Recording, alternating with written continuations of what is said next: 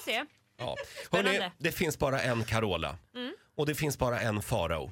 Ja. Och när de träffas, ja, det blir ganska mycket, mycket ego på liten yta. Ja, det kan man säga. Kan man säga. Ja. Rörigt. Ja. Eh, men de gillar varann någonstans ändå. Eh, Farao, han skulle ju ha med Carola i ett tv-program en gång. Eh, och då ringde han till Carola och frågade om hon ville vara med och omvända honom. Och ha Oj då. förbön. Ja. Eh, det ville hon inte. För att det har ju Carola sagt vid något tillfälle, det är några år sedan nu, men att man kan förböna Ja. bort homosexualitet. Just det. Men är inte Eh, han ett hopplöst fall? Var det så Jag hon tror tänkte, det. Eller? Ja. Jag Det tror verkar, att det, det verkar många vara. det är kört. Eh, Farao han var här och eh, talade ut om sin märkliga relation till Carola. Jag tror inte att hon är elak, jag tror bara att hon är crazy. Du vet. När hon kommer in på mitt jobb till exempel, då kommer hon in.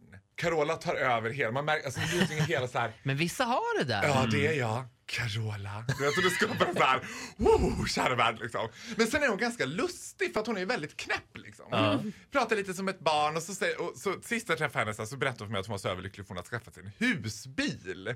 Och det är så praktiskt för då har hon ju alltid den där bilen och det är så bra när vi ska skjutsa Amadeus till träningen för då kan vi sova i bilen liksom. She's a true trailer girl. Liksom. Hon bor i den där bilen. Men det jobbiga med den här bilen är att den inte får plats i Åhléns Citys garage. För det har hon försökt några gånger.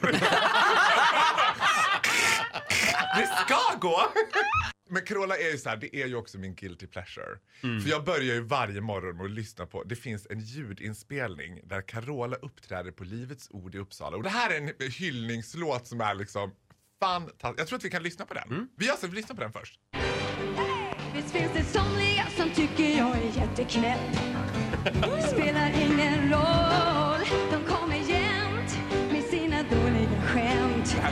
Och kallar mig för livets ordare Men de får kalla mig praktiskt taget för vad som helst Jag vet i alla fall att jag är ju frälst Jag har ju Jesus och det är nog Jag vet inte, det mest skrämmande är att du kan hela texten utan till. Och eh, Farao dansar med också till det här. Ska inte du passa på att gå med i Livets Ord? Nej men de har ju lagt ner hela den här verksamheten. Har de? Han har hoppat ju av!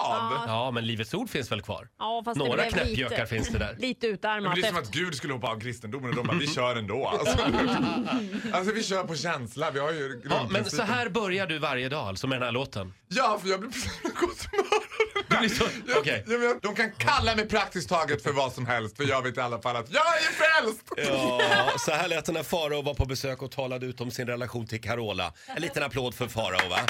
Eh, Man börjar varje morgon sådär, jag vet inte. nej, nej, jag kommer inte att eh, haka på den trenden. Nej, jag kan också säga ett bestämt nej. Jag tycker Vakna med Energy är ett bra sätt. Det tycker jag också. Lite lagom. Och mer Farao finns det i vår Youtube-kanal. Vakna-fan kan vi tipsa om. Där finns det massor av filmklipp från programmet. Ett poddtips från Podplay. I fallen jag aldrig glömmer djupdyker Hasse Aro i arbetet bakom några av Sveriges mest uppseendeväckande brottsutredningar.